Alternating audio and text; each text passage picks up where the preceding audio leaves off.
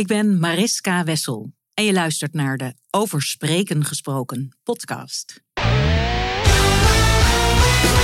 Je hebt de woorden, maar nog niet echt een verhaal. Ze moeten vloeien,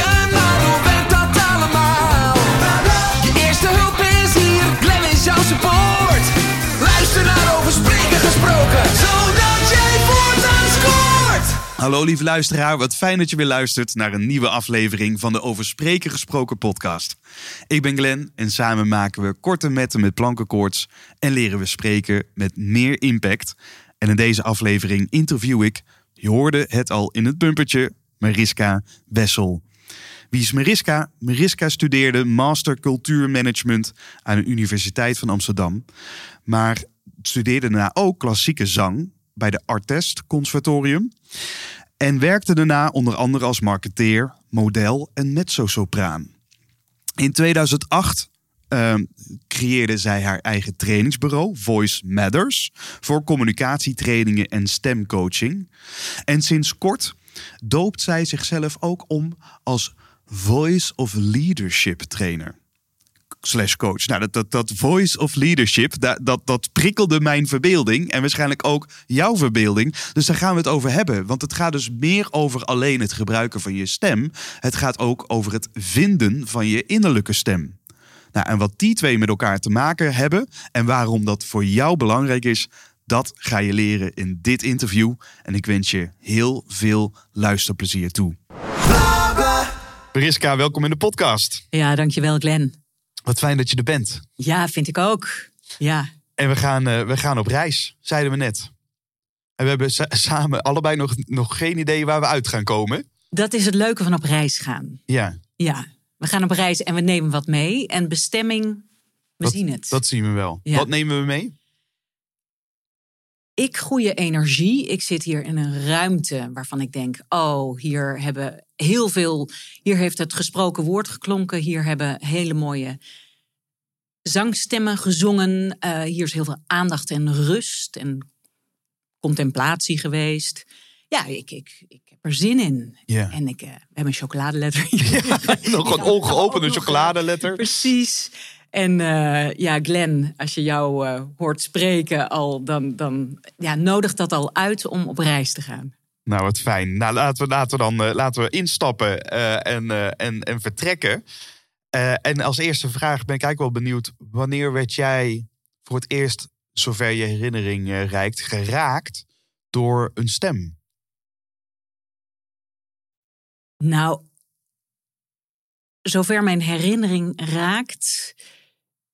Ik denk als, als meisje, ik ben opgegroeid eh, in de tropen. En er was geen televisie, geen radio, niks. We hadden alleen vijf langspeelplaten. Ik ga al een tijdje mee, Glenn. Dus eh, van, van die grote Ja, ik weet Ja, wat. eh, ja, ja, check, check, check. Ehm, en ik weet wel, Jules de Korte. Mhm. Dat was een van die langspeelplaten. Dus niet zozeer een kindercd eh, langspeelplaat. De stem van Jules de Korte bijvoorbeeld. De, de, in, de manier van spreken, de melodie. Ella Fitzgerald zat daarbij. ABBA zat daarbij. Zingen in de kring. En mijn vijfde plaat die ik zelf kreeg. The Sound of Music. Ah, Nou ja, als je het hebt over, over thuiskomen in dit klooster, dan hoor ik gewoon Maria eh, door de nonnen gezongen. En ja, dus dat is de gezongen stem. Maar ik denk, ja, voor zover ik me kan herinneren, de stem van je moeder. La- laten we even kijken hoe stem werkt. Al in de buik, zou ik maar zeggen, is de stem van de moeder heel erg bepalend. Ook voor natuurlijk hoe een kind luistert en voelt en wat het hoort. oké.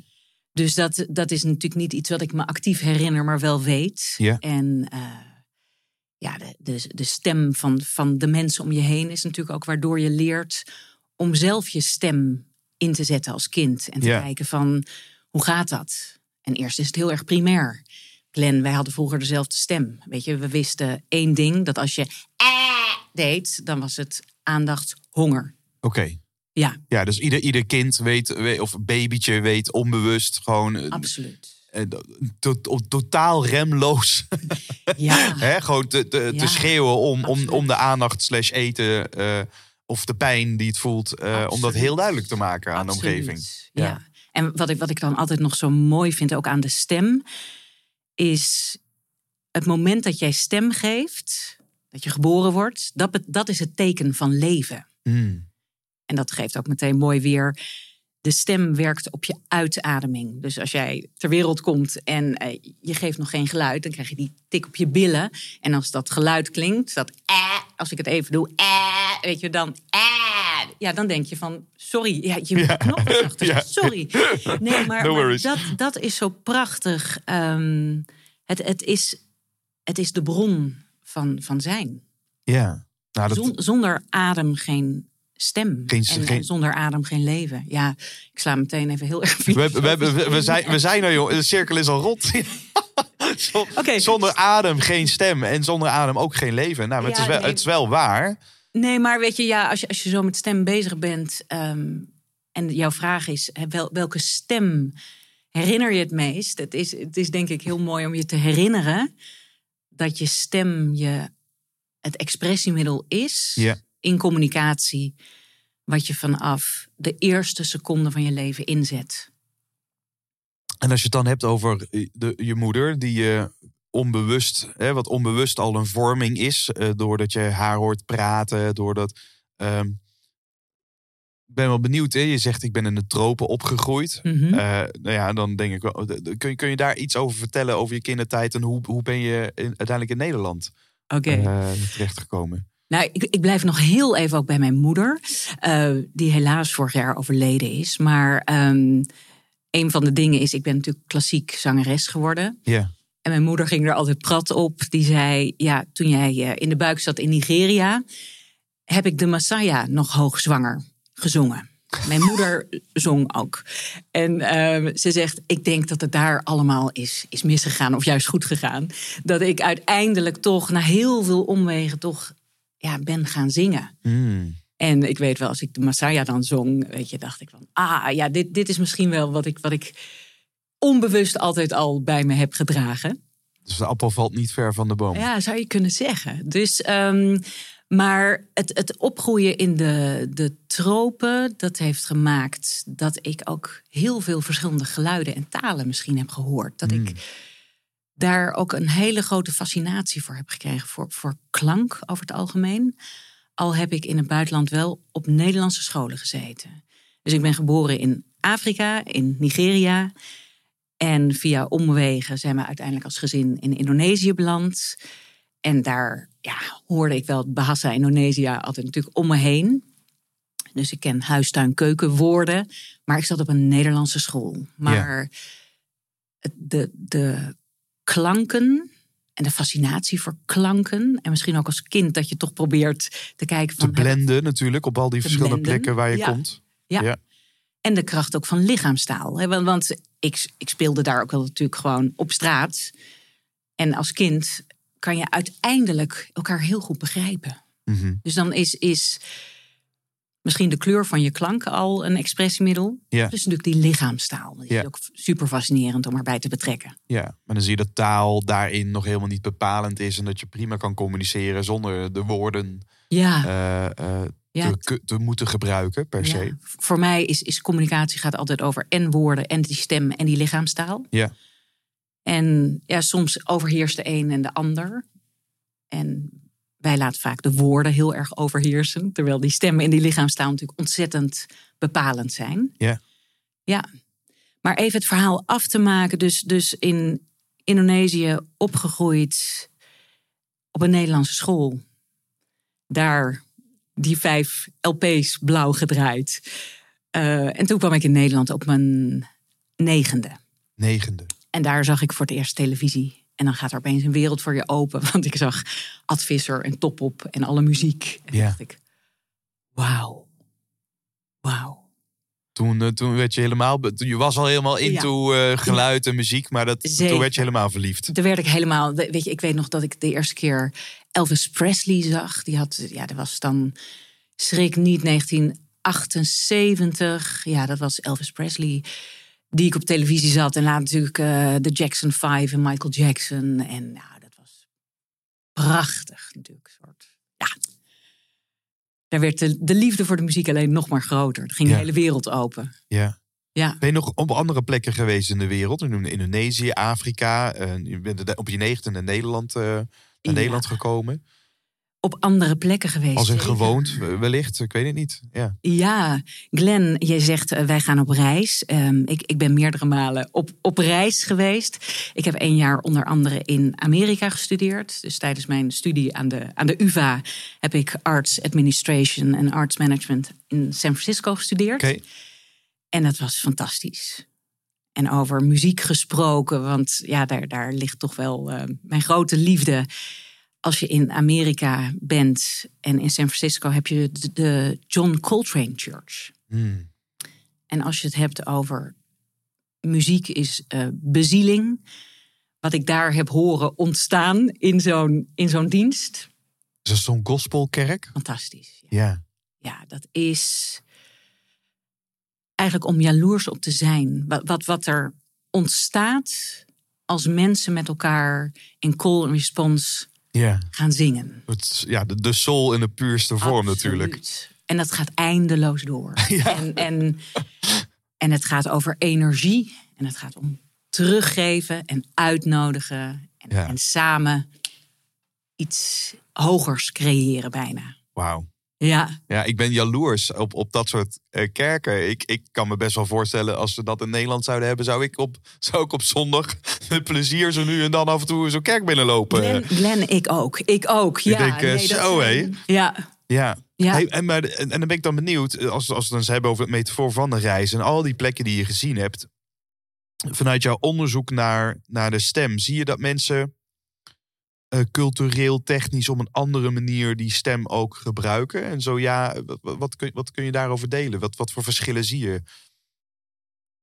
Ja, nou ja, een, een cultureel verschil bijvoorbeeld in Amerika, en dan heb ik het meteen even over spreken, is dat in de US ehm, is public speaking en jezelf kunnen verwoorden, is, is een vak gewoon op school. Ja. Dus ik schrok me rot, weet je. Ik, ik, ik heb gestudeerd aan, aan de UvA. Nou, en dat is gewoon een soort leerfabriek van colleges lopen en, en produceren. Dat ik daar opeens ehm, voor, voor het eerst echt moest spreken over een onderwerp. En die Amerikanen kunnen dat ontzettend goed. Hè? Dus die worden heel erg al zich bewust dat je een stem hebt. En dat je met je stem ehm, ja, je boodschap helder kan overbrengen. Dus dat viel me echt op in Amerika. Ja, public speaking is iets, als je dat leert van jongs af aan, heb je daar heel veel profijt van. Mhm. Ik voelde me absoluut, ja, ik, ik, ik was vroeger heel erg verlegen, Glenn. Ehm, vandaar ook dat ik me heel veilig voelde op zo'n Nederlandse universiteit. En dan in dat Amerika, ja, moest ik opeens letterlijk in het Engels natuurlijk gewoon in al die klassen meedoen. Ja. Ehm, cultureel bepaald is de stem zeker. Ik heb het zelf niet, niet eh, aan haar lijve ondervonden, maar toen de Olympische Spelen bijvoorbeeld in eh, Korea waren en je ziet een Koreaanse nieuwsleester op televisie. Nou, dat klinkt alles behalve onze, onze Annegien. Hè? Onze Annegien heeft natuurlijk een hele mooie lage stem. En een hele mooie neutrale manier van spreken. Met een vleugje, ja, soms even dat, dat enthousiasme of, of ja, die, die extra kleur erbij. En de Koreaanse nieuwsleester, die heeft een hele hoge pitch. Hè, dus, dus een toonhoogte. Heel, ja, heel, heel stel, snel en staccato. Ja. Dus het is zeker natuurlijk cultureel bepaald. Hè. Wat, wat, wat is een stem van autoriteit? Wat is misschien een stem van, van waar warmte in zit? Wij zeggen een lage stem en een warme stem heeft autoriteit. Maar in andere culturen kan dat heel anders zijn. Ja, wat ik wel interessant vind om, om te weten, en, en dan loopt misschien daar nu een beetje op voor, maar jij bent, los van jouw fascinatie over de stem zelf, heb jij in de afgelopen jaren een transitie gemaakt waarin jij mensen begeleidt steeds meer naar het vinden van een innerlijke stem. En ik hoor dus ook dat welke stem je gebruikt is cultuurafhankelijk, is afhankelijk van de context waar je in zit. En bij ons is een lage stem, eh, dat creëert autoriteit. In Azië misschien helemaal niet. eh, hoe verhoudt die stem zich tot die innerlijke stem? En als jij het hebt over die innerlijke stem, wat bedoel je daar nou precies mee? Nou, Glenn, hele, hele interessante vraag. En ik, ik ga hem proberen heel bondig eh, te beantwoorden. Kijk, de stem is wat mij betreft een, een, ehm, een heel orkest wat je, wat je in je hebt.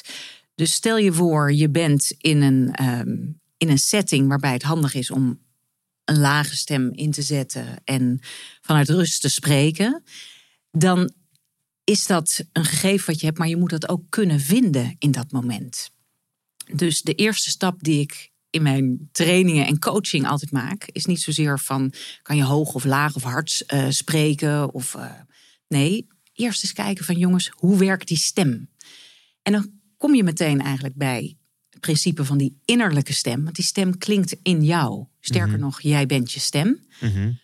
Dus die stem vinden betekent je innerlijke harmonie vinden. Hoe kan ik zo spreken dat die stem vrij is? Dat mijn adem, mijn lichaam als klankkast en die twee stembandjes hier helemaal vrij met elkaar kunnen bewegen, waardoor ik er controle op heb, waardoor ik zelf kan kiezen. Ik wil in, zijn, in, een, eh, in een wat lagere versnelling spreken. Of ik ga heel erg enthousiast hoog spreken. Maar voorafgaand gaat, weet hoe het instrument werkt. En weet ook in welke situaties je er bijvoorbeeld geen controle over hebt. Dus veel mensen met wie ik werk, die, ja, die hebben dan wel eh, in een presentatietraining teruggehoord.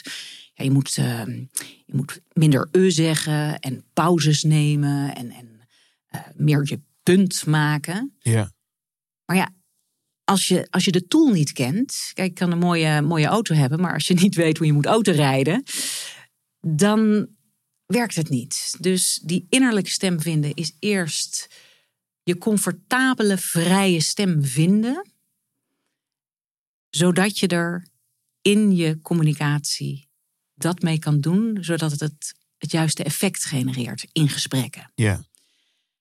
En Glenn, het zal je niet verbazen dat zodra je met stemtraining, met ademen, met die innerlijke harmonie zoeken bezig bent, dan raakt dat ook heel erg aan de emotie en wie jij, wie jij bent.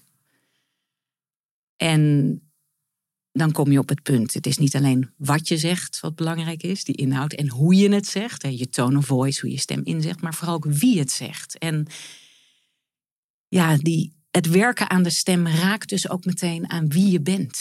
Ja. En dat is ook, denk ik, heel mooi. Kijk, iemand die piano speelt in muziek, die legt ook wel zijn ziel erin, maar dan is het instrument nog steeds iets buiten jezelf. Ja. Voor een zanger, maar net zo goed voor een spreker. Of iemand die ja, een boodschap wil overbrengen, welke setting dan ook. Je neemt altijd jezelf mee en daarin zit het belangrijkste leiderschap. Weet je, wie ben je, waar ga je voor, waar sta je voor? Dat je daar echt je comfortabel in voelt. Ja.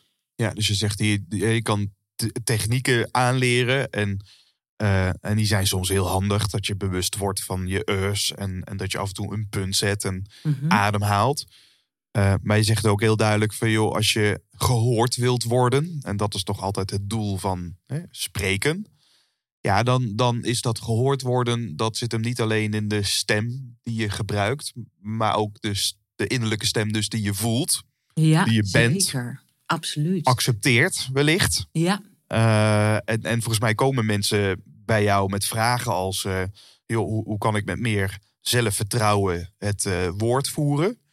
Ja. Of eh, hoe, hoe kom ik op een boeien, boeien, wat een moeilijk woord, boeiendere manier over? ja. Eh, of hoe krijg ik wat meer overtuigingskracht? absoluut. Waar, waar begin jij dan? Dus, dus stel, zo'n persoon komt, dus, eh, ik ben dan hier bij jou. Wat, wat is dan, hoe, hoe, hoe begin je? Ja. Nou, Glenn, ten eerste begin ik met de vraag: hoe kom je over? Dus gewoon eens mensen eerst naar zichzelf laten luisteren. En dan hoe zou je willen overkomen? Mhm. Dus dus dat, je- dat je al weet van. zo gebruik ik mijn stem en dit is er mogelijk. Of dit is hoe ik overkom, maar dit is hoe ik zou willen overkomen. Dus je hebt een soort beginpunt, eindpunt. Ja. Ehm, en dan begin ik toch met, met het idee van ja, we gaan het hebben over de stem. En we gaan zeker eh, met die stem werken. Maar we gaan heel veel ook doen aan het eerst begrijpen van hoe werkt het instrument. En dan zijn de oefeningen heel erg ademen, het lichaam openzetten, eerst die stem vrij krijgen. Want meer zelf, met meer zelfvertrouwen spreken, dat begint met die innerlijke kalmte en rust vinden. Dus, dus ehm, heel vaak gaat stem, eh, stemcoaching ook heel erg over stil zijn, ademen, voelen van jongens, waar zit die innerlijke resonantie? Ja. En als mensen daar contact mee maken en dan voelen van oké, ja, als ik inderdaad beter ga zitten, mijn lichaam als een klankkast eronder ga zetten en mijn ademhaling leidend laat zijn bij het klankmaken, dan klinkt er iets heel anders. Mhm. Dus, dus ja, hoe begin ik? Vragen. Hoe kom je over? En wat, wat, wat, wat zou je willen? Ja. En ook duidelijk maken dat er niet een goede of een slechte stem is.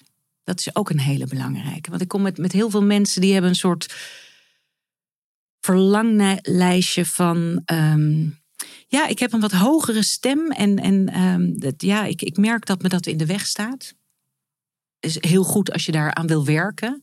Maar ik zeg ook altijd, weet je, een, elke stem heeft een bepaald effect. En ga alsjeblieft niet denken dat je een stem moet veranderen. Of dat jij je, jij je stem moet veranderen. Mhm. Maar we, we gaan op zoek naar wat kan het instrument van nature allemaal. Ja. En welke kleuren en schakeringen kan je allemaal bijleren? En ja, dat, dat is eigenlijk een grote vocale speelgoedwinkel. Weet je, dat je denkt van wauw.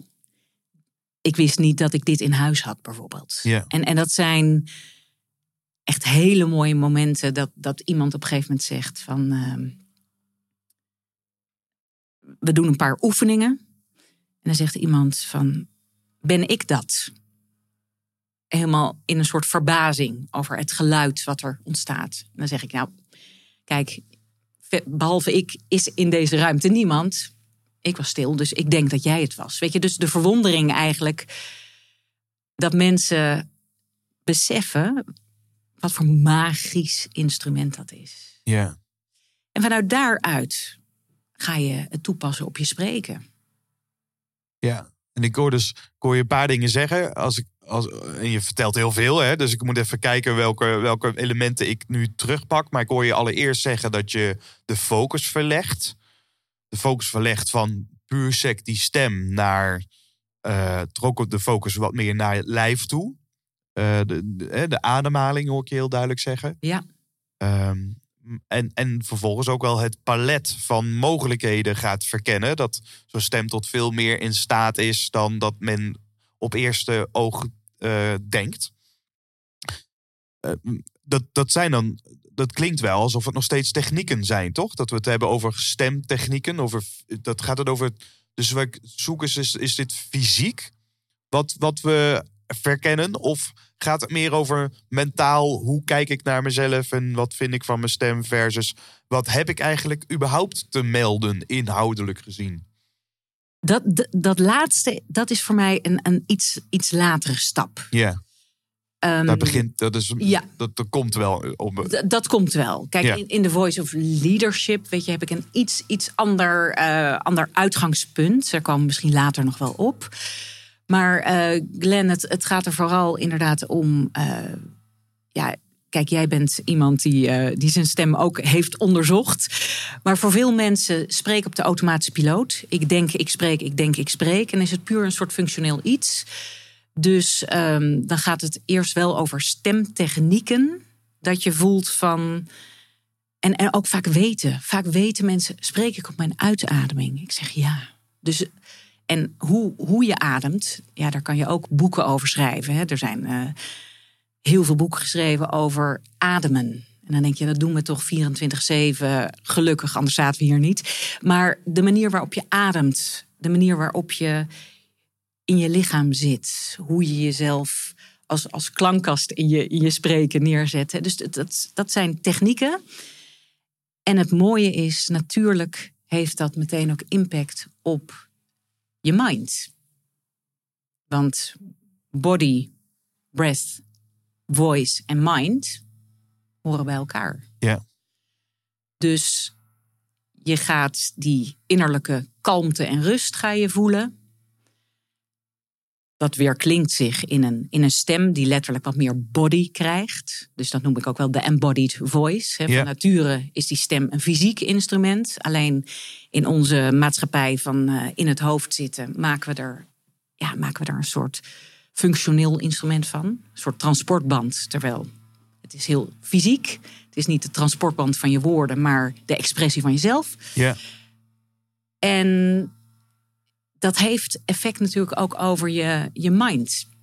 Want als jij een stem hoort die letterlijk meer ruimte inneemt en meer kracht uitstraalt, voel je je ook zo. Ja.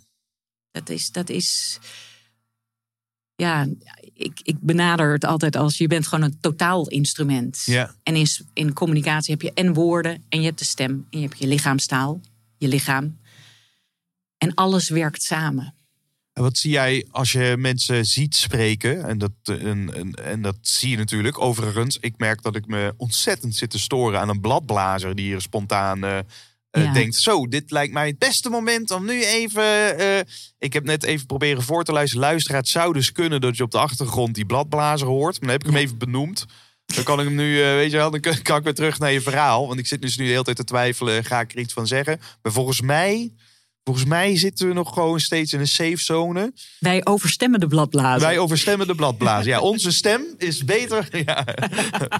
Maar- en die bladblazer mag ook gehoord worden, maar het is wel een beetje Absoluut, irritant. Absoluut. Die heeft, maar, die heeft maar één volume en Ja, één precies. toon. Dit is de monotonous. komen we toch een beetje. Dit is de slaapverwekkende. Nee.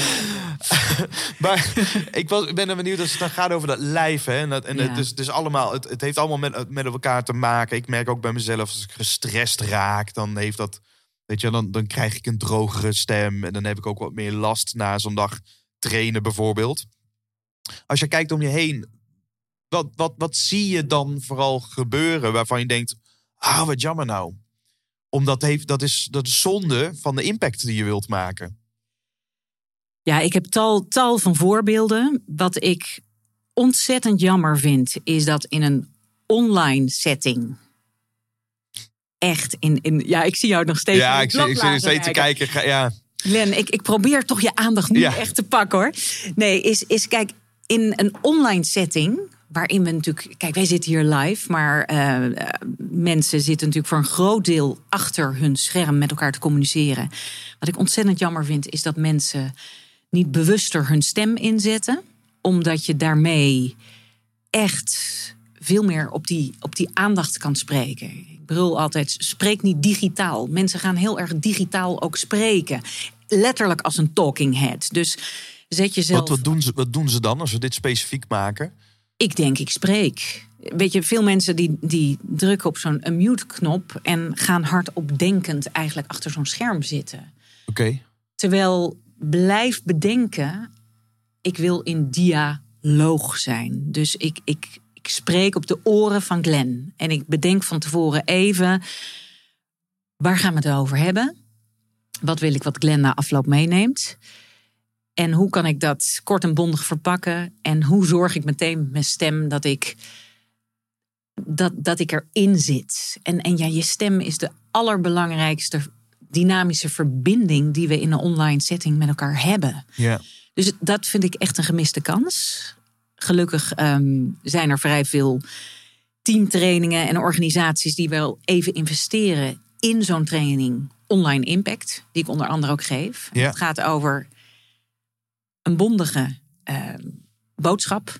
Daar, daar moet je echt. De letterlijke zin van het woord is dat je stopt met spreken, denken en eerst Ja. nadenkt wat je wil zeggen en dat dan Absoluut, zegt. En daar haak ik meteen aan. Nadenken wat je gaat zeggen. Als je al spreekt op het idee, met het idee van. Eerst is er even die adem. En in dat momentum gebeurt er zoveel. Ten eerste, je stem krijgt iets meer die, die energie en die laagte. Maar ook in je koppie krijg je net even dat momentum dat je denkt: oké, zo ga ik hem insteken. Dus je gaat aandachtiger praten en het komt wat krachtiger over. En een, een ander voorbeeld, Glenn, ehm, maar dat, dat, daar ben ik hard mee bezig. Ik ben iemand nu aan het trainen in The Voice of Leadership, die voor de nieuwjaarsspeech, nee, de oudejaarsspeech op mag. En het is een, een man die zeker de kracht heeft van, ehm, ja, het moet een beetje een leuker verhaal worden. Dus eh, jargon heeft hij er wat, wat uitgehaald. En, en nou, ik, ik ben onder de indruk van, van wat hij nu als een soort scratch eh, van zijn, uh, zijn oudejaarsspeech heeft gemaakt. Alleen, ehm, hij stuurde mij een audio-opname van hoe hij het dan wil voordragen. En dan denk ik, oeh, add some soul. Weet je, je kan een hele goede tekst hebben. Ja. Maar ja, hem, hem laten vallen, en ook in dit geval weer online, daarvoor moet je bepaalde woorden, moet, moet je accenten en kleuren geven. En, en het moet voelbaar zijn. Ook aan de andere kant van dat scherm. Ja. Dus add some soul. eh, Wat, Absoluut. wat- en, en wat dat betekent dus, je hebt een heel mooi verhaal, maar je spreekt uit je kop of zo? Of wat, wat, wat, wat Ja. doet hij dan? Eh, Of wat Nou, ga- waar waar gaat het spaak dan? Ik hoor te veel woorden. Ah ja. En ja, heel veel mensen zien het als een groot gemak als ik online dat mag gaan doen. Hè. Bijvoorbeeld zo'n zo'n kerstspeech.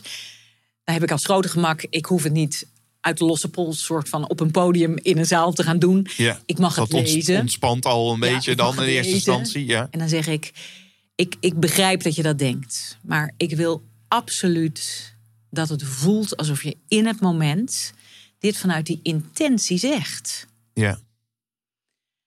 En ehm, ja, dus, dus dat lijkt nu een gemiste kans. Maar het leuke is, door je er bewust van te zijn dat je als je zo'n tekst wat gaat oefenen en gaat kijken van hé, hey, wat zijn nou de woorden waar ik mensen echt eventjes mee kan laten voelen. Dat, dat ik trots op ze ben. Of, dat- of dat ik weet eh, wat voor een lastige tijd het is. En dat het ook lastig is om nu weer het oude jaar zo uit te gaan. En het nieuwe jaar waarschijnlijk weer online met elkaar te gaan beginnen. Empathie of, of ehm, ja, een, een mate van, van, van meevoelen. Dat, dat zit in die stem ja.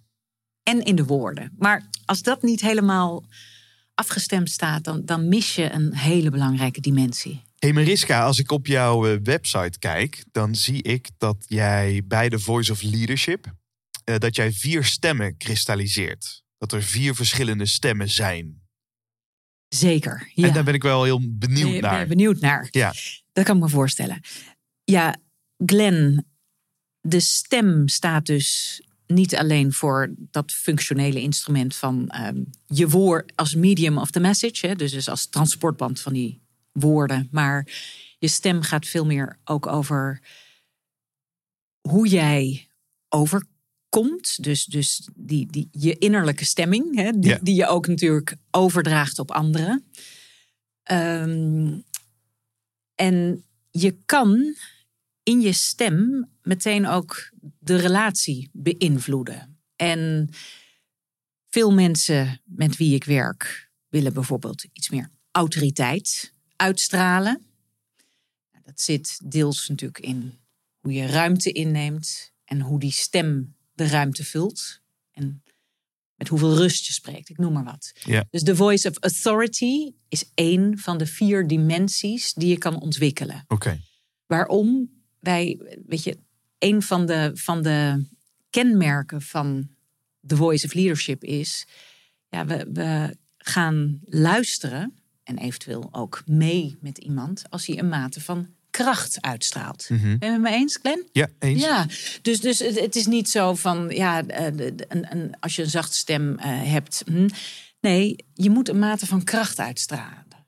Dat mensen denken, oh, die weet waar die voor staat, letterlijk. Dus dat noem ik eigenlijk de fysieke stem, de stem of authority. En de stem of authority, die klinkt ook letterlijk van, van laag. Je kan hem bijna lokaliseren in je, in je lichaam. Ja. Dan heb je de voice of empathy. En die gaat veel meer over een, een stem waarbij ik ruimte creëer voor de ander. Een stem waarin heel veel ruimte zit om te luisteren. Een stem met ehm, meer aandacht. Oké. En die kan je ook lokaal. Die, die zit niet helemaal in je onderbuik, maar die zit veel meer op het verbindende, het hartenniveau. Oké. We gaan van een soort buikniveau, een soort, eh, of de, Ja. je guts misschien ook Ja. wel eh, bij de kracht, autoriteit. Absoluut. Gaan we wat Ja. meer naar eh, de, de liefdevolle, Ja, de- de- verbindende. Je, je letterlijk even openstellen. Ja. De, de voice of empathy. Die gaat over een heel belangrijk element van, van natuurlijk goed kunnen communiceren, is, is luisteren. En dan heb ik het niet alleen over luisteren met je oren, maar gewoon aandachtig zijn. Wat gebeurt er bij de ander? Wat, wat hoor ik? Wat zie ik? Wat voel ik? Welke woorden? Weet je, dus, dus dat, dat, dat, dat zit in, in the voice of empathy. Voice of authority. Dan heb je de voice of reason Mhm. je hebt iemand nodig die wel helder en duidelijk zijn boodschap kan overbrengen. Hè, dus Mhm. soms is een hele objectieve, heldere, duidelijke manier van spreken is ook nodig. Dus dat noem ik de voice of reason. Dan moet je gewoon leren om krachtig, doelgericht, analytisch op een gegeven moment iets te benoemen. En de laatste is de voice of inspiration. Mhm. En ja, die zit echt bij dat je ook van jezelf iets durft te laten zien. Dus die heeft veel meer te maken met die innerlijke stem. Je, je, je, ja, bijna je, je innerlijke inspiratie, wat het jou doet. En, en de mate van, van, ja, die komt het dichtst misschien wel bij au- authenticiteit. Ik vind dat altijd een heel erg lastig iets. Maar je meest authentieke te- stem, hè, wat, wat drijft je? Waar, waar, waar zit jouw innerlijk vuurtje? En dat helpt ook heel erg als je die durft te laten zien. Want leiderschap gaat over mensen moeten niet alleen horen wat je zegt en hoe je het zegt, maar wie het zegt is natuurlijk heel erg belangrijk. En The Voice of Inspiration geeft heel veel weer van, ja, wie ben jij? Wat drijft jou daarin? Hm. En The Voice of Authority, die zit inderdaad in de gut, the heart en The Voice of Reason zit daadwerkelijk meer in het hoofd. Dus het leuke is, de stem is een heel fysiek instrument. Tegelijkertijd is die stem niet alleen eh, het geluid wat De je produceert. stembanden zelf. Maar het is eigenlijk je innerlijke stemming in communicatie. Ja.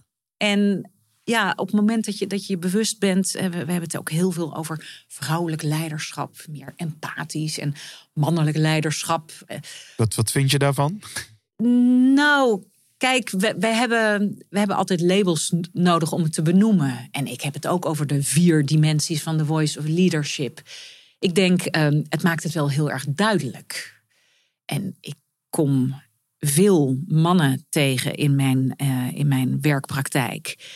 Die zijn op zoek naar iets meer warmte in hun uitstraling. Ja. Nou, dat zit ook een beetje in de, meer richting de voice of empathy. Die hoef ik niet op de voice of reason ontzettend. eh, en de voice of authority hebben ze meestal ook wel ehm, binnen hun bereik. Ja.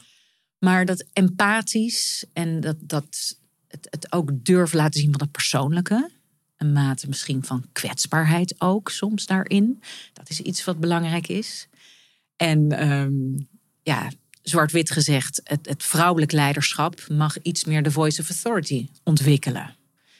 En soms misschien ook iets meer reason. Hè? Dus het, is zoeken naar. mengen en eh, Het is een mengen. En, soort en het, ja, mixer zie ik vormen waarin de schuifjes Glenn, precies goed moeten staan. Glenn mixen. Ik ben, ik ben helemaal voor. Communicatie is een creatief proces. Ja. Het gaat altijd over met wie communiceer ik en wat is er nodig. En ja, eigenlijk ben ik met mensen continu bezig van welk instrumentarium heb je in je. En hoe kan je daar elke keer het juiste voor inzetten om, om dat te creëren wat nodig is. Dus als je dus die vier stemmen wilt mixen met elkaar. Dus je hebt empathie, je hebt autoriteit, je hebt reason. Hoe, zou- hoe zou je dat goed kunnen vertalen? Reason is in het analytisch. Ja, letterlijk het hoofd koel houden. Gewoon helder en duidelijk. Zo- eh, De emotie er even uit. Oké, dus de emotie er even uit. Daar waar die Ja. bij de, bij de inspiratie en de, en de, en de, De empathie, empathie. misschien juist heel erg eh, Absoluut. erin zit. Absoluut. Daar, daar voert hij de boventoon. Ja. En als, als we het dan hebben over, over dat mixen, daar ben ik, daar ben ik dan benieuwd naar. Eh, moet ik dan eigenlijk per gesprek, als het ware, een, een, een, een smaakje kiezen van die vier of een combinatie daarvan? Of is het per definitie zo dat een goed spreker ze alle vier inzet in, in één lezing bijvoorbeeld? Je kan ze alle vier inzetten, maar, maar zeker is, het- is het bedoeld als je in een gesprek gaat. Ja, ik ben altijd erg van de kracht van de voorbereiding en het woord intentie is al gevallen. Ja. Dus dat je van tevoren bedenkt, met wie heb ik dat gesprek nou? En wat wil ik wat de ander na afloop denkt, voelt en gaat, gaat doen? En, en daar moet je natuurlijk op, op inzetten.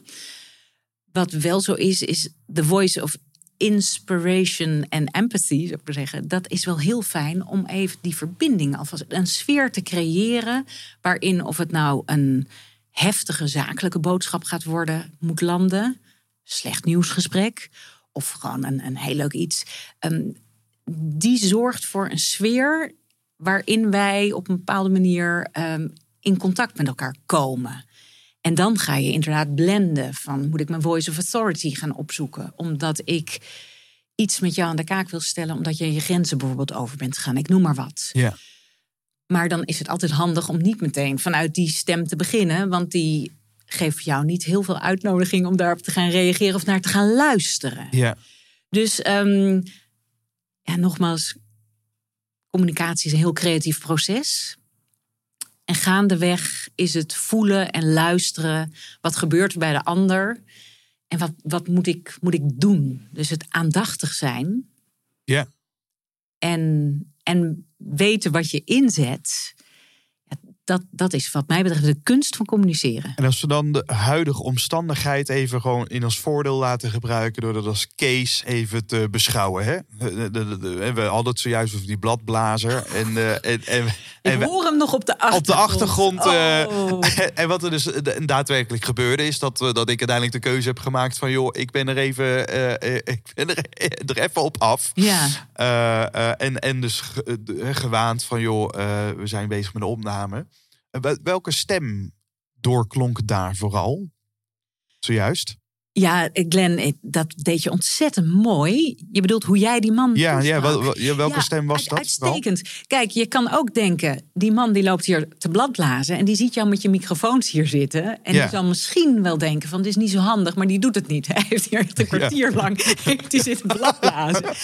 Oh, jongens, jongens. En toen je, toen je het uitzette... en toen die man stopte, dacht ik was... oh, wat, wat, wat, wat, Wat heerlijk. ja, en, en nu hoor ik, hoor ik je vragen pas echt, wij spreken goed. Nu, Ja. nu kan ik ze echt beluisteren. Dus moet je na, nagaan hoe mij dat ook beïnvloedt. En jou misschien ook in het naar mij luisteren. Zeker. Maar jouw tone of voice was heel erg goed. Hè? Dus je- ging niet geïrriteerd al naar buiten. Dus je dacht, hoe kan ik zorgen dat die man het idee krijgt van... ik, ik doe wat ik moet doen, alleen op dit moment is het niet zo handig. Je zei, ja, met, met een fijne energie... eh, goh zeg, wat, wat fijn dat je hier aan het, eh, aan het bladblazen bent. Maar zoals je ziet, ben ik bezig met een opname. En dat werkt niet goed. Mag ik je vragen om... eh, misschien even het hoekie om te gaan en daar eerst door te gaan en later terug te komen. Ja, dat is natuurlijk heel effectief communiceren, Glenn. Maar als, dus heel los van dat het, jij vindt het goed en het, eh, en het is effectief, dus dat, Ja. daar ben ik blij mee. Eh, maar als we dus leggen langs die vier stemmen, Ja, in welke, dus als we de mixer erbij pakken, welke, welke stem had de boventoon op dat moment? nou, eh, eh, sensus en, en inspiration, dat is de warmte. Dus de manier van begroeten is niet vanuit je autoriteit. Van hallo, ik werk hier binnen. En zie je, hè? Dus ja, dus was meer ehm, empathisch ja, ik dan. eh, eerst het contact. ja. Dan Goedemorgen, ik Ja, ja, een glimlach. Zeker. En, en eh, het leuke is, het, het, eh, het, het zit in letterlijk de klank van je stem, maar natuurlijk ook de woorden die je kiest. Dus, dus niet, kan je dat ergens anders gaan doen? Nee, maar zou je het hoekje om kunnen gaan? Dat zei je volgens mij letterlijk. Klopt dat? Ja. Ja, overigens, ik liet, het, ik liet het bij hem. Dus ik Ja. zei gewoon van, joh, eh, kijk, we zijn met een opname bezig. En het is, eh, ja, je, je kunt je voorstellen, Ja. niet heel handig. En toen, eh, eh, en toen eh, deed ik de beetje de, de awkward silence die niet heel lang duurde. Want toen zei oh ja, dus eh, ik zou misschien ook wel daar naartoe kunnen. Zei, Oh, dat zou fantastisch zijn. Als je heel even, als je gewoon om het hoekje, Yes. weet je, dat zou heel fijn zijn. Eh, Nou ja, goed, en dan, dan, dan gebeurt dat alsnog natuurlijk. dan moet je nog nog een kwartier wachten voordat dat daadwerkelijk gebeurt. Ja, Maar het is dus wel interessant dat we dit gewoon even. Nee, het gaat dus niet zozeer om mij, maar ik vind het als voorbeeld wel interessant dat het gebeurt. Mhm. Daar waarin mij voelt op dat moment dat de autoriteit. Die, die, die voelt als, als, als zeg maar emotioneel gezien, zou ik daar het snelst naartoe gaan. ja, Want ik zit me te irriteren en ik denk, joh, jij ziet toch ook wel dat dit niet helemaal handig is. Weet je wel, hoezo moet ik dat dan gaan uitleggen? Eh, dus, dus je voelt dat alles in je roept dan de autoriteitsstem. ja. Maar ergens, nou dat is dan het geluk, weet je wel, we zijn eh, boven, de, boven, de, eh, boven de 90 afleveringen. eh, of, de, denk ik, volgens mij, ja, tussen de 80 en, en de 90. Nou, nou, wel een geluk dat we het hier al vaker over hebben gehad. Dat ik denk, nou, dat wat ik intuïtief aanvoel als het juiste hoeft niet per se het juiste te zijn. En misschien groeit mijn invloed wel als ik nu juist een eerder een vriendelijke stem opzet dan de wat meer dominantere stem. Dus ik kan me heel goed voorstellen als we nu weer de, de, de, de, hem terugpakken naar waar de luisteraar mee bezig is. Mhm. De luisteraar wordt zich ineens bewust van: oké, ik kan bezig zijn met de inhoud. Nou, dat is belangrijk, dat mijn verhaal klopt, dat ik heb nagedacht, dat dat logisch is. Maar hoe ik mijn stem kies, bepaalt voor een heel goed groot deel hoe de ander daarop reageert. absoluut. En dan wil ik dus, en dan hoop ik dat jij ons daarmee kunt helpen. Wat ik dan gaaf zou vinden, is dat we de luisteraar kunnen helpen. Dat dan, dat dan wat de intuïtie ingeeft, soms counterproductief kan, kan zijn.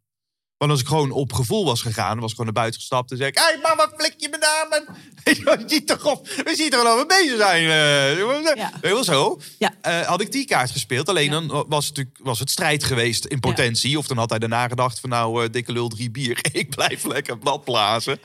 Eh, dus dus, dus, dus hoe, hoe zoek je dan binnen de situatie de juiste stem uit? En dan is intuïtie vaak niet de beste raadgever per se.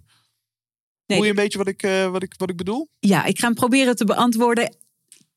Intuïtief voel jij iets, maar communicatie gaat altijd over wat doet wat jij zegt weer bij de ander. Dus je moet op een bepaalde manier een stap vooruit denken. Dus je wil dat die man die ook zijn werk doet. En waarom is dat niet even belangrijk als dat wij hier zitten? Ja. Dus ja. het, het doel is, ik wil dat die man eh, zich gezien voelt als hij, hij doet. Als bladblazer. Ja, ja, nou, nee, maar Glenn, Ineens ja. weet je het, toch? En, en dan, dan weet je, en, en dat, dat is, ehm, vind ik ook de magie van, van stem.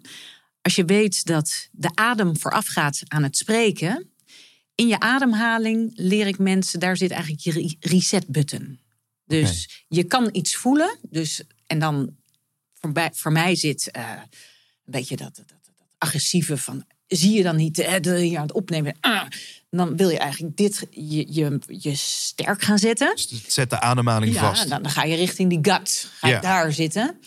Je kan ook denken, oké, ik adem even naar mijn neutraal stand. Namelijk naar dat middenrif en even die, die ruimte van, van zijn, van presence.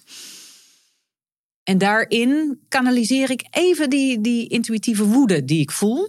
En die ik niet wil vertalen meteen in mijn tone of voice naar die man. Want ik weet, dat gaat hem het idee... Ja, eh, hij kan ook zeggen van... eh, ja, ik, ik doe hier gewoon mijn werk en dit moet ik doen. Ja. Dus ehm, een momentum creëren. Ik noem dat het woord momentum. Ja.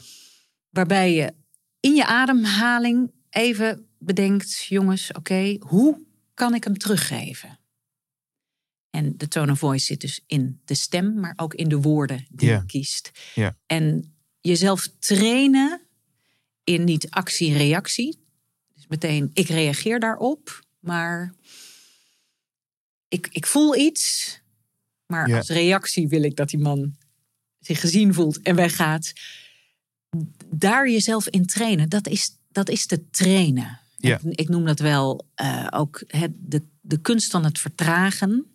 En ademhaling en die inner presence en kalmte voelen... is één van de belangrijke technieken voor, een, een, ja, voor, The Voice of Leadership, namelijk het, het woord presence, wat heel vaak wordt gebruikt, of executive presence, heeft te maken met een, een mate van, van, van innerlijke kalmte of dat innerlijke ankertje voelen. Ja. En vanuit daar heb je meer keuze. Dus dit vind ik wel mooi. Dus dit, dit, dit is een training die, die we kunnen doen. Het is het trainen van dat innerlijke ankerpunt. Ja.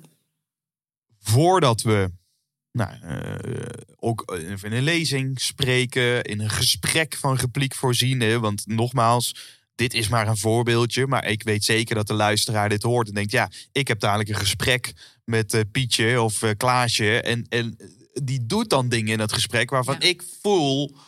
Why? Weet je wel? Ja. Why? Als je, je snapt toch, oh, dus dan, voel, dan gebeurt dat. Hè? Of je bent in gesprek met je manager, of je hebt een gesprek met een klant. Of je staat voor die groep en je ziet, je ziet mensen dan op een bepaalde manier reageren in die zaal. Dus voortdurend komen wij op plekken dat er iets gebeurt. En dat Ja. wij dan denken, oh, ik ga in die reactiemodus. Ja. Mijn stem aanpassen, Heel verheffen. herkenbaar. Ja. Kinderen die dan, ik heb toch gezegd dat we, weet je dat, dat, ja, en, het, en het werkt niet, weet je wel. Dus we zetten onszelf vast, eigenlijk. Hè? Dus die ademhaling zetten we vast. En in onze stem doen we juist iets wat, waar dan misschien wel juist onze zwakte doorheen klinkt. Ja. Want we laten eigenlijk zien juist dat we heel erg beïnvloedbaar worden door dat gedrag van die ander. Ja, ja. Nee, Glenn, heel, heel mooi dus dat dat ankertje is, ja, die, die presence. En adem, ademhaling, ik, ik heb het altijd over ankeren, ademen, afstemmen. En dan heb ik het over die innerlijke afstemming. Even van, oh, mijn, mijn, mijn eerste reactie is... Ja. En hem even kanaliseren. Oké, ik voel hem, maar ik, ik geef hem anders terug. Ja. Dus hoe verpak je hem dan? Ja. En de inhoud was duidelijk, want de man, ik weet niet of de luisteraar hoort, het is opeens minder zoemerig om ons heen. Ja. Ik, ik heb meer aandacht. Ja. Weet je, dus, dus dat is fijn. En, en invloedrijk spreken betekent dat je, dat je elke keer bedenkt: ik heb invloed op hoe de ander dus luistert en gaat reageren. Ja. En, en dat is natuurlijk de kracht van goed kunnen communiceren.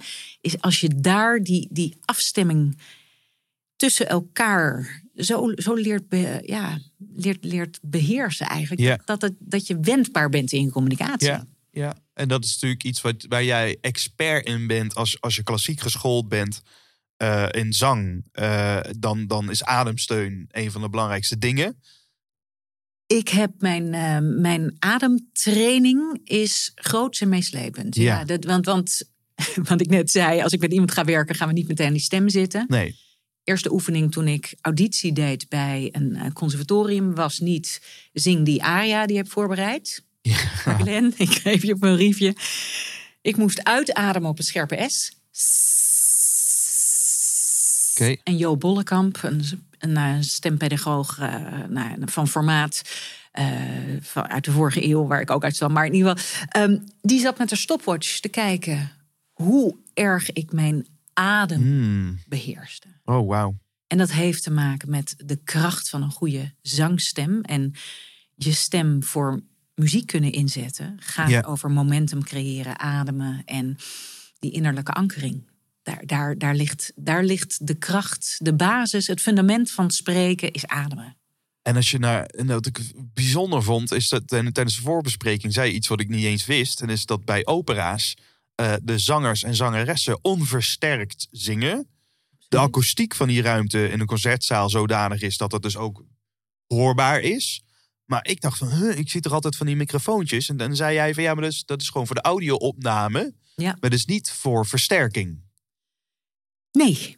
Nee, in een goede zaal, dan heb ik het echt over het concertgebouw. Heb ik natuurlijk ook Ja. gewerkt. eh, eindeloos veel prachtige concerten daar meegemaakt. Eh, wij klassieke zangers zijn zo innerlijk afgestemd dat wij onze innerlijke microfoontjes buitengewoon goed eh, gebruiken. Weten hoe we onze stem kunnen, kunnen kleuren en vrij kunnen laten dansen. Eigenlijk over die stembanden over ongeveer twee, drie octaven. En we maken gebruik van de akoestiek van, van de ruimte. En hele goede articulatie en dictie, zodat zelfs mijn pianissimo eh, stem, eh, weet je, Remember Me, But Forget My Fate, bijvoorbeeld, Faith. ehm, dat, dat, Fate, sorry, F-A-T-E, ik zit even, Fate. eh, uit Dido en Eneas. Ehm, Mhm. Dat, dat Ik, ik en een niet be- beluisterde luisteraar op het gebied van. Ultra. Ja, maar je zult altijd mensen die denken... Tomato, van, oh, tomato. Zegt ze nu voor, voor ja. Maar er zal er maar één tussen zitten, ja. Fate, Ja, F-A-T-E. Nee, nee, nee, sorry. ik, ik zit, eh, maar wat, wat ik wilde zeggen, Glenn, is heel goed kunnen articuleren en, en die stem kunnen projecteren. Dat je inderdaad de achterste rij van de zaal weet te bereiken. En dat is de magie van, van het prachtige instrument. Ja. En, en ja, we weten te weinig van het instrument. Ook hoe je gewoon in versterkspreken er gebruik van kan maken. Ja. Want helder articuleren en gewoon je stem wat projecteren... geeft meer helderheid en meer energie al. Ja. Dus ook voor iedereen die zit te zoomen, doe het. En wat, doen we, wat moeten we dan doen? Dus we, zijn even, we hebben ademhaling hier, Ja. dat ankerpunt. Misschien dat en ik wel. Ik vind het gewoon heerlijk om gewoon even wat oefeningen te doen. Dan, Ja. dan dat, dat de luisteraar dat kan oefenen. Dus ook eh, als hij dit hoort. Eh, en dus we hebben, we hebben dus de ademhaling, we hebben de articulatie. Ja, Ehm, zullen we beginnen met die ademhaling? Misschien komt er nog iets anders. Ja. Eh, maar als we het hebben over die ademhaling, dat doorademen. Mhm. Zeker op het moment dat het lastig wordt. Mhm. en, die, en wij eigenlijk onze stem laten beïnvloeden door de ander. ja, In plaats van dat we hem zelf kiezen. ja. En daar help jij mensen mee. Hè? Ja. Dus dat ze bewust worden van die stemmen die ze hebben. Eh, nou, die ademhaling. Kun- Kunnen we, kunnen, we, kunnen we daar kunnen we praktisch maken dat we. ja ik, ik kan het eh, op een hele, hele simpele manier... en ik hou dan altijd even van het uitvergroten. Ja. Stel je voor dat jij eh, in een ongemakkelijk gesprek zit... en dan, dan voel je daadwerkelijk het ongemak in je lichaam. Ja. Herken je dat? Ja, zeker, Glenn, Dat je, 100%. dat je wel eens... En je ademhaling, om- omdat wij natuurlijk één instrument zijn, gewoon, gaat zich dan ook verplaatsen naar boven. Ja. Ja. En ik, eh, ik ga eventjes in een, in een simpele zin, als je dan vanuit deze eh, voel, voel even de spanning in je lijf en dat je hier ademt, leg maar eens een hand op je, op je, op Ja. je borst en dan zeg je, zo gaan we het niet doen. Zo gaan we het niet doen. Ja, dus, dus dit, dit zou een normale reactie kunnen zijn. Ja. Ja. Je voelt. Je Kom, voelt niet heel overtuigend waarschijnlijk. Nou ja, ik, ik voel wel de overtuiging dat, dat, dat, jij, dat het jou dwars zit. En dat jij het niet zo wilt doen. Alleen je kan het op een andere manier mij ook kenbaar maken. Ja. Waarbij jij krachtiger overkomt. Nou, nu vraag ik je eerst. ehm, Dus we hadden eerst hè, de hand op ons borst Ja. en we richten daar onze ademhaling naar. Nu, nu, en nu en gaat. letterlijk je aandacht zit ook boven. Hè? Dus, dus je, je, je luistert met je oren. Ja. En het, de, de emotie van wat de ander heeft gezegd vertaalt zich in je lijf en dus in je ademhaling. En is dus hoorbaar in de stem. Check. Je hoort dezelfde informatie. Het is nog steeds hetzelfde ongemak van die persoon. Maar jij weet, als ik spreek, dan wil ik de pilot of my plane zijn. Hè? Dus ik, ik wil in control zijn. Dus ik zorg altijd dat ik vanuit mijn ademhaling en vanuit dat lichaam hier dat ankertje heb. Dus rechtop zitten. Als iemand die Kijk. ruggengraat heeft. Dus het begint rechtop zitten. Voeten op de vloer. Kijk Ja. even hier onder de tafel. Ik, ja. ik heb ze nu op de vloer, maar ze zaten net zo, weet je, zo dwarrelend. Ja, een beetje. Zo, En, met, een punten dag op. de- eh, zoomen zit je ook vaak een beetje. Maar echt rechtop zitten, actief zitten. En je hebt nog steeds die ene, adem, die ene hand misschien op je borstkas, maar die andere leg je op je maagstreek hier. Oké. En de simpelste oefening is adem in met het gevoel van een lichte verwondering. Dus Glenn, hier heb ik een heerlijke chocoladeletter voor je liggen. En je denkt, zo'n stukje chocola. En op die verwondering laat je je kaken even een soort van zakken. Ja. Ja, en voel je dan dat er hier bij je buikstreek op die hand, dat er wat ontspant. Ik, ik hoor je nou echt die diep adem van. Maar letterlijk alleen het gevoel van verwondering. Ik merk wel dat de, mijn verwondering is omhoog. In, in energie. Eh, doe, doe ik een andere ver- verwondering? Mij zit de verwondering echt van, van binnenuit. Oh, Dus oké, grappig. Dat ik denk van... Ah, de, de, de feeling of the joyful surprise noem ik dat wel. Dat je denkt van, wauw, hier. Nou ja, licht gapen kan ook. Dus dat je, dat je je kaken even laat hangen. Je blijft nog steeds rechtop zitten en dan voel je dan dat je, dat, dat je buik hier naar, naar voren komt. Ja. ja. Ja. En nu zeg je een paar keer zzz, zzz, zzz, zzz, zzz. Zzz, zzz, zzz, Gaat je buik naar binnen of naar buiten klemmen? Naar buiten. Oké, Of, of het spant het aan. Het is, het eh, spant het aan. Bij mij gaat mijn buik op de zzz, zzz, zzz naar binnen. En Ja, ik voel als, hem als nu je ook. heel, heel even bedenkt, spreken is uitademen. Ja, Dus op je uitademing is het logisch dat die longen lucht geven en leeglopen en dat de buik dan naar binnen gaat. ja. Dus ik laat je zzz, zzz, zzz. Daar gaan we. Zzz, zzz, zzz, zzz. Ja. Nu Doe u was- mee, luisteraar. Nu was de zin, zo gaan we het niet doen. Je ademt in, je voelt je ongemak, maar je probeert het ongemak, wat hierboven eigenlijk je, je vastzet, Mhm. probeer je even te denken: oké, mijn kracht, mijn ankertje, daarvoor moet ik even dat loslaten. Mhm. Dus voor mij is het gevoel van verwondering, maar even je kaak los, even ademen hier naartoe is de, de sleutel om hier te komen. En dan in plaats van zo, zo gaan we het niet doen, zo gaan we het niet doen. Dus, dus ik, ik zet hem in vanuit de intentie, zo ga ik het niet doen. In plaats van uit een hoofd wat reageert op wat het hoort. Zou je Ja. het eens willen proberen, Glenn? Ja. Ze, de- we- je maakt de beweging ook. eh, Ik schets die context even voor de luisteraar. Hè. Dus je hebt, je hebt dus dat vanuit je hoofd dat zeggen, of meer vanuit je buik dat zeggen. Ja, en, en in je buik lees ook je intentie. Ja. Dat, dit, is, dit vind ik een, iets van gut. Zo gaan we het niet doen. En je zet nu een nadruk op zo, maar dat hoeft niet per se. Maar dat is wel de. da- dan kom je daar of zo. Of Ja. is dat. Want ik, moet, ga je, ik moet je niet kopiëren in, je, in jouw Nee. woorden, hè? Maar ik moet die intentie moet ik in ieder geval hier Ja. voelen. Oké, Ja. check. Ja. Zo gaan we het niet doen. Ja, en, en waarom jij zegt ik moet jou niet kopiëren. Ik heb voor de oefening het woordje zo gebruikt, omdat het je zo bewust maakt. Ja. dat, je, dat je vanuit hier, hier, zit- hier zit je contactslot en je En met hier, en ze, maakt nu een vuist Ja, en je- wijst je naar de buik, naar de middenrif. middenrif. Ja. en we spreken vaak echt alleen vanuit die kil. Ik denk, ik spreek. Ik denk, ik reageer. Terwijl als je, als je het omdraait, ik ben, ik denk, en dan vanuit hier gaat klinken. Weer erom, ze wijst naar het middenrif. Ja, contactsleuteltje, middenrif, ankertje, ankertje, ankertje. Fundament van communicatie zit in jou. Niet in je keel, niet in je hoofd. In. Daar, dat ankertje. Ze wijst weer naar het middenrif. ja, Daar, mooi, daar. Mooi. Ja. Ja. en het heeft te maken met energie. Ja. Maar ook, ja, je, je kan het echt lokaliseren. Ja. En stel je voor dat ik nou heel liefdevol zou willen zeggen. Zo gaan we het, zo gaan we het niet doen. Wij spreken dan. Je gaat nu met je hand naar je Ik hart. leg letterlijk even een hand op mijn hart. En ik, ik adem vanuit die intentie. Hè, dus dus jij, jij, hebt, jij wil heel graag iets. En ik, ik begrijp het. Alleen ik. ik zo, hè, dus dan, dan. Dan zit daar die verzachting in, Absoluut. maar wel de. Maar wel ook wel die. Ja, het, Ja. het- je, je hoort het nu in je stem. Het is Ja. heel anders. Als in de ene is een grens aangeven, de ander is. Ja. Ja, met, met, met ja, je noemt het niet voor niets de empathische stem. Met, Ja. met, met, met empathie. Van hey, ik Ja. voel ook mee voor jou. Ja, dus dan neem ik minder Zo gaan, we, zo gaan we het niet doen. Ja, want communicatie is interactie en gaat over ruimte geven en nemen.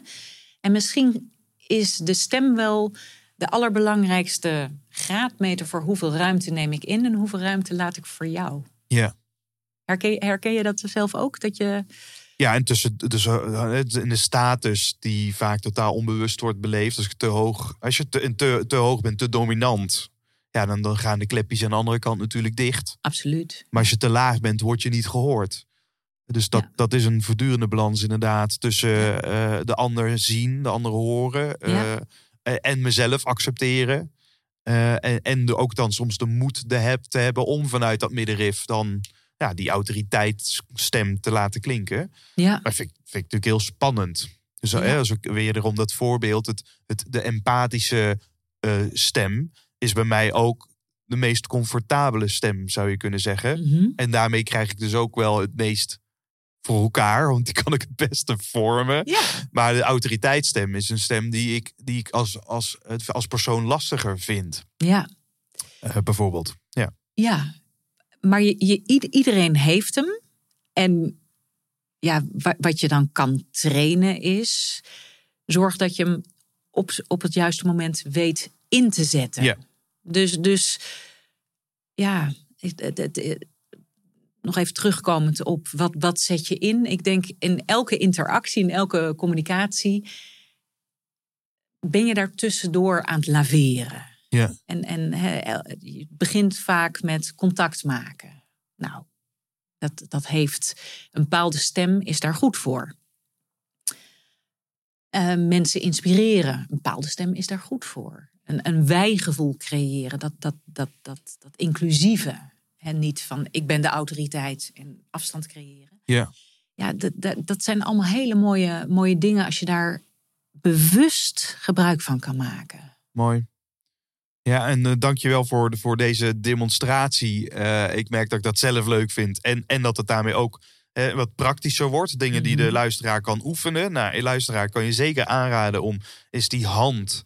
Hè, ofwel op je middenrif te zetten, ofwel op je hart. Ofwel, als het ware, dat je ook wijst naar je hoofd. En probeer dan maar eens dezelfde tekst uit te spreken... terwijl het je aandacht ofwel bij je hoofd zit... bij je hart of bij je buik. Je hoeft nog niet eens op een andere manier... je, je hoeft je stem helemaal niet te vervormen... maar je zult merken, als je je aandacht daar op die gebieden richt... dat de toon en klank verandert. Ja, Nou, dat ja, is en- natuurlijk waanzinnig om dat te ervaren. Ja, en je raakt nu echt de juiste snaar. Want dat gaat dus om. Het, het is dus niet een trucje van je moet eh, nu een, een harde autoritaire stem. Nee, op het moment dat jij geankerd bent, dan is de stem die re- reflecteert de stem van jouw intentie. Ja. Dus ja, de sleutel ligt in dat binnenwerk doen, zoals ik dat dan zo mooi noem. Dus find your voice is het, het binnenwerk doen. En dan heb je natuurlijk nog het buitenwerk, bijvoorbeeld het, het, het goed kunnen verwoorden van je boodschap. Dat is in de training The Voice of Leadership stap 2. Share your vision, is dat toch? Ja, dus, dus hoe kan je je boodschap op verschillende manieren verpakken? Dat zijn veel meer presentatievaardigheden. Ja. Maar het begint bij wie ben ik, wat straal ik uit.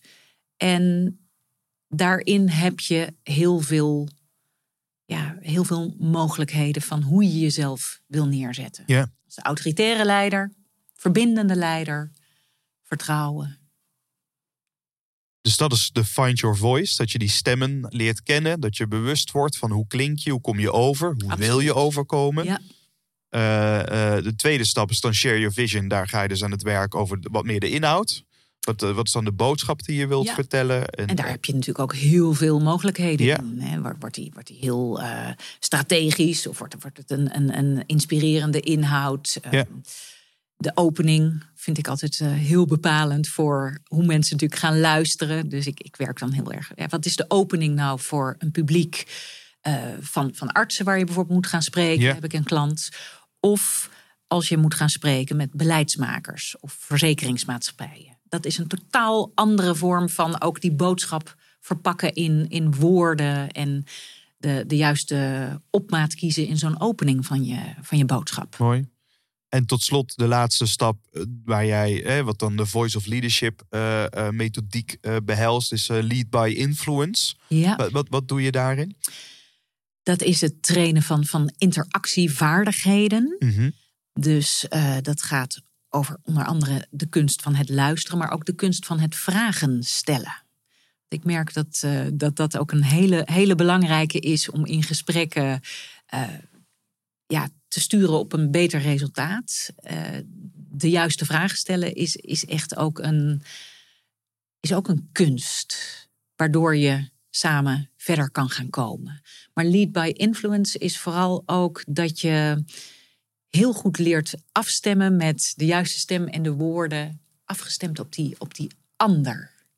Dus dat heeft weer te maken met dat je heel goed wordt in het, in het luisteren en lezen van je omgeving. Ja. En, en En dat bepaalt dan ook weer een beetje welke stem leidend zou moeten zijn. Absoluut. Misschien is dat wel de schakel tussen die intuïtie of, dat, of die reactiviteit. Ja. In enerzijds, eh, die je misschien als ongeoefende communicator, dan reageer je gewoon, ja, zo reageer ik toch, zo voel ik me toch. Ja.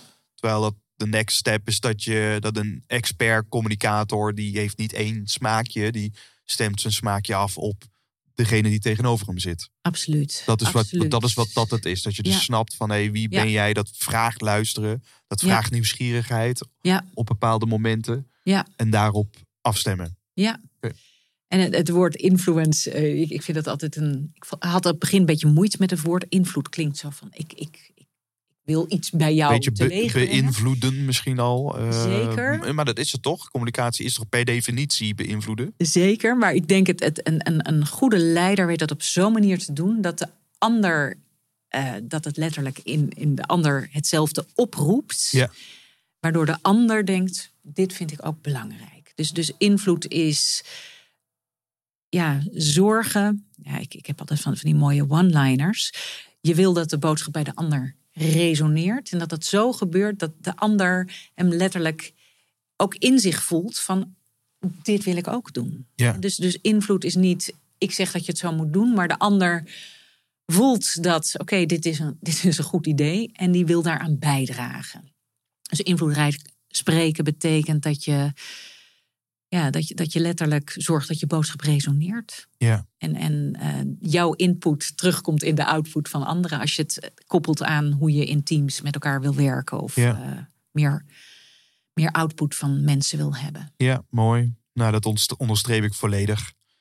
Ehm, ik hoor mezelf vaak zeggen in trainingen dat hè, dat leiderschap is geen eh, positie, dat is een keuze. Dat allereerst. En als je dus dat in beïnvloeden goed doet, dan zet je aan tot vrijwillig volgen. Ja, En dat vind ik mooi als je eh, van, van hè, ze beïnvloeden met de juiste intentie. Dan doen mensen dat niet omdat ik de autoriteitskaart speel, puur sec. Jij doet dat nu omdat ik dat van je vraag en zeg. Maar eh, iemand doet dat, precies wat je zegt, omdat het resoneert. Omdat iemand zegt van ja, nee, dat dat doe ik niet omdat jij toevallig de manager bent. Maar omdat ik geloof wat je zegt. ja. ja dus, dus dat, je moet de juiste snaar in dat innerlijke vlammetje van, van die ander ook waarom heeft, het hè? ertoe doet. Ja. Als je dat bij de ander weet aan te zetten, dat is nu de kracht van goed leiderschap. Ja. En, en dan het vertrouwen geven van hé, hey, daar kan dat vlammetje dus gaan. Mooi. Ik moet nog een, een, een, een, een pra- hele praktische eh, denken. Mag ik nog een duitje, duitend zakje doen? Eh, als het gaat over dat, over dat ademhalen. Dat jij Mhm. zei, dat, dat, dat, dat blijft me bij, merk ik. Jij deed auditie. En het is niet dat je een liedje mocht doen. Nee, jouw auditie werd gewoon, het stopwatch werd erbij genomen. En er werd gewoon getimed hoe lang jij kon uitblazen op een, Ja. op een letter. eh, eh, om dus te zien hoe krachtig je ademhaling is. Hè? Hoe goed dat is Ja, in, in hoeverre ik al een, een bewuste zangeres was of een beginnend iemand. Ja. een- dus eh, ze noemen dat vocal awareness. Op het moment dat je, dat je echt al een ademhaling hebt, echt als een soort, soort, soort stoomlocomotief, Ja. dan, dan geeft dat al aan dat ik een mate van, van ja, die, die natuurlijke ankering en autoriteit al als een soort buffertje in me heb. Ja. En ik, ja, Glenn zal je niet ver, eh, verbazen. Ik ben natuurlijk een beetje springend veld. En ik hou. En dan kunnen we elkaar de hand schudden. Ja, we hebben hier al, eh, alle, alle liedjes eh, de revue laten plezieren. Maar het, het letterlijk die, die- vanuit die innerlijke kanten en, en dat voelen. Hè, het, is, het is meer een, een grond van zijn, noem ik wel eens. Hè, dus, dus, dus, dus ja, dat, dat, daar, dat heb ik moeten oefenen, Glenn. Ik, ik ben heel erg van, van, ah, weet je, energie, energie. Maar als je die energie iets meer gaat kanaliseren, Ja. ja. dan, dan is hij even, evenveel enthousiast, maar hij, maar hij is iets meer gedoseerd. En Precies hiervoor een oefening die mij heel erg heeft geholpen, die ik van mijn eh, zangdocent leerde op, op de theateropleiding, eh, was, eh, was een kaars. Pak gewoon een kaars Ja. en steek die kaars aan. Ja, zo, weet je, gewoon zo'n steelkaars. Ja. En, dan, en dan ga dus uitblazen, zeg maar tegen die kaars aan, maar de kaars mag niet uit. ja, Want als je te hard blaast, is die meteen weg. Als je te zacht blaast, gebeurt er eigenlijk helemaal niks. Hè? Dan- ja. nou je mond dicht. Ja. Maar je moet dus op een gecontroleerde manier uitblazen. Op die manier dat de kaars aanblijft. Ja. En dan timen. Zeker. En dat, ik, je zegt wel, je kent hem. Ja, tuurlijk. Ja, ja, het is, weet je, voor, voordat mensen stopwatches hadden Ja, en moesten kaars. stond, weet je, hadden we onze Neandertalers met hun fakkel. Nee, nee, maar even, even zonder gekheid. Eh, de, de, de oude, de oude bel canto zangers, en dan ga ik echt terug naar eh 17 zoveel in Italië, waar Ja. de, de zangkunst is ontstaan en, en de, de methode voor zangkunst, ja, werd inderdaad eh, met, met een fiamma, met, met, een, met een kaarsje geoefend. En je ziet, hè, als, als die blijft branden, dan heb je controle over je ademhaling. Ja.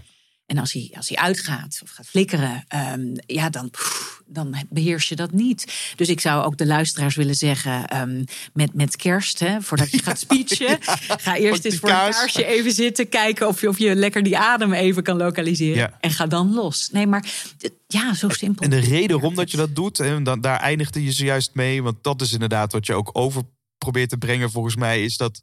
Het is niet dat je dan eh, een wedstrijdje kunt doen hoe lang dat iemand eh, zijn adem kan uitblazen. Maar wat ik heel erg herken, en wat je zegt, op het moment dat het moeilijk wordt. Dus op het moment dat er iets gebeurt aan die andere kant die je wa- laat wankelen. Mhm. Dan is die adem, dan, dan merk ik dat ik gewoon weer teruggrijp naar die oefening. Want dan is het eh, precies wat jij zei. Die ademhaling is, hoe zei je dat zo mooi? Wat is die Je kracht? ankertje. Ja, je ja, het is het ankertje. enerzijds, Ja. maar ook gewoon, ja, de, de- we gaan weer terug Grond naar het begin. zijn, grond de grond van zijn. zijn, dus de, de zuurstof Je thuis.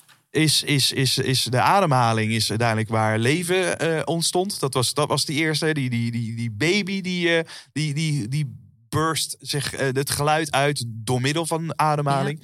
Dus dat is altijd, nou, je zegt mooi je thuis, op het moment dat je de weg kwijtraakt op dat podium, of voor die groep, of tijdens die kerstspeech, of wat, wanneer het dan ook is. Je vindt altijd je weg weer terug bij die ademhaling op het moment dat je dat als fundament hebt staan.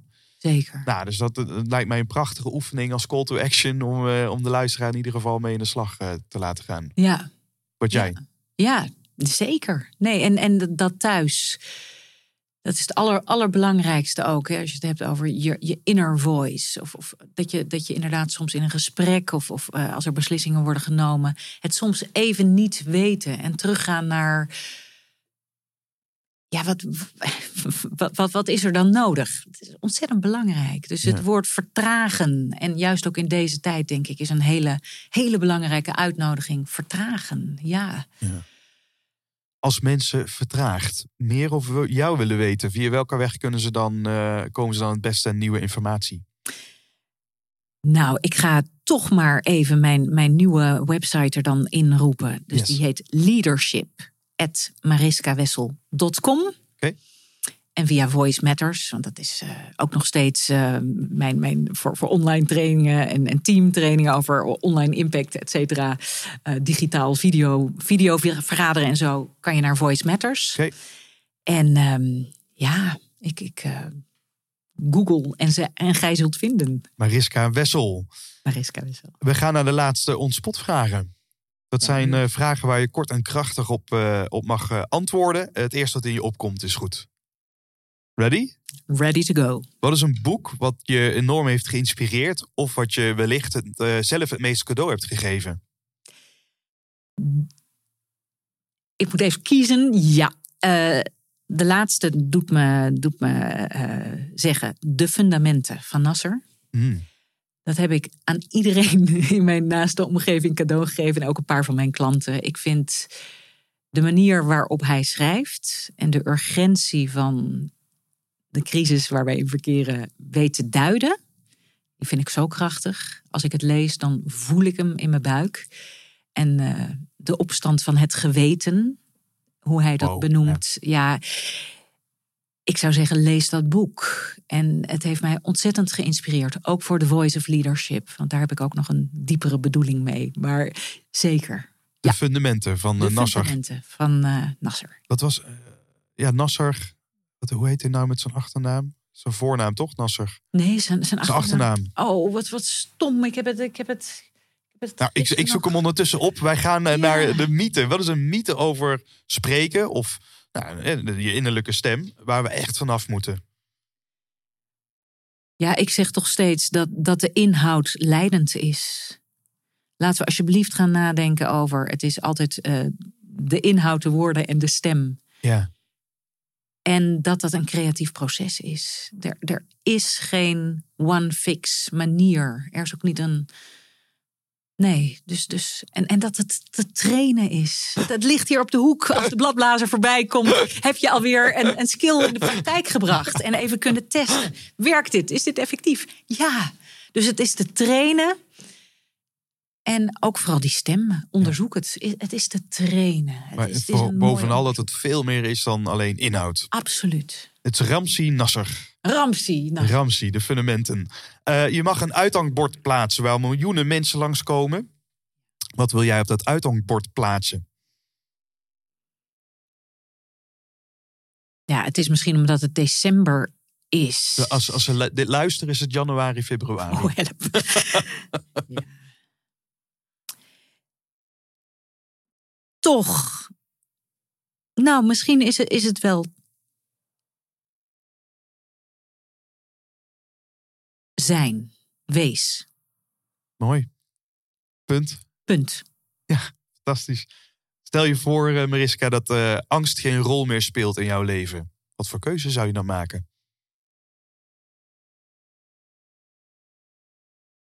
Dan zou ik misschien alsnog het podium meer opgaan. Mhm.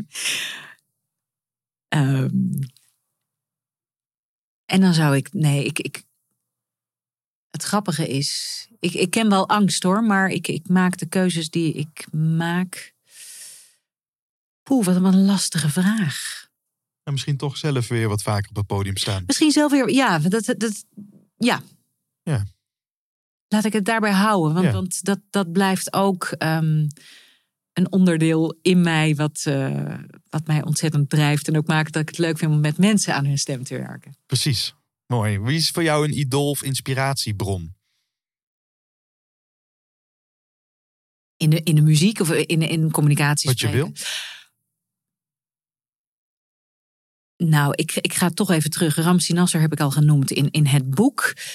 Ik ben ook een heel groot fan in, eh, in deze tijd en met The Voice of Leadership, waarbij ik ook hoop te acteren in eh, het, het, het ook meenemen van eh, stakeholder planeet in je communicatie als een van de belangrijkste luisteraars en, en voor de voor de acties die wij ondernemen als, als mens en, wat wij wel of niet doen.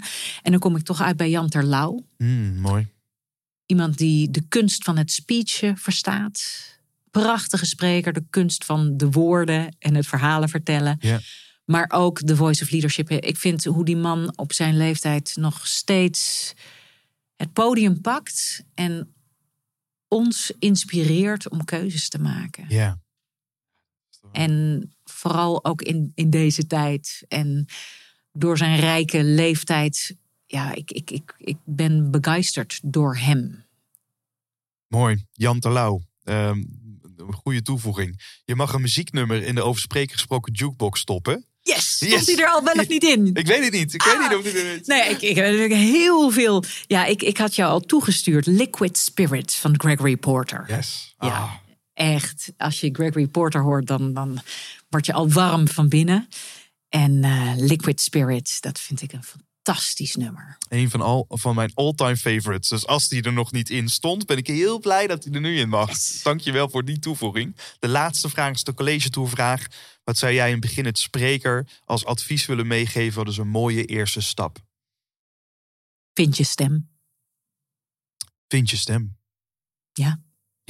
Dat, dat is de basis. En, en dan gaan die woorden comfortabeler komen, de boodschap volgt. En zorg dat je echt vanuit je eigen thuis het woord neemt. Mooi. Beriska, dit was onze reis. Bestemming bereikt. Bestemming bereikt. Dankjewel. Blazers weg. tijd, voor, tijd voor zijn liquid spirit. Hallo lieve luisteraar, je bent aan het einde gekomen van deze aflevering en ik wil jou heel erg bedanken voor het luisteren. Ook de gast van deze aflevering wil ik van harte bedanken voor alle waardevolle inzichten. En vond jij het nu ook een waardevolle aflevering? Laat me dat dan weten. Maak even een connectie aan via LinkedIn. En als je dat wilt, waardeer ik het enorm als je een review wilt achterlaten op je favoriete podcast-app. Dat helpt namelijk om de zichtbaarheid te vergroten, zodat we samen korte metten maken met plankenkoorts en leren spreken met meer impact. Wil je meer informatie over de podcast? Check dan mijn website www.glenvergozen.nl. En wil je zelf ook praten met resultaten? Dat kan. Ga dan naar www.desprekersregisseur.nl en meld je aan voor de gratis Online Sprekers Academy. Dit is een gratis online training met de negen beste lessen van twee jaar over spreken gesproken podcast. De missie van de Over Spreken gesproken podcast is om jou te helpen je stem te vinden, zodat jij anderen kunt inspireren datzelfde te doen. Ik wil je heel erg bedanken voor het luisteren en graag tot de volgende aflevering.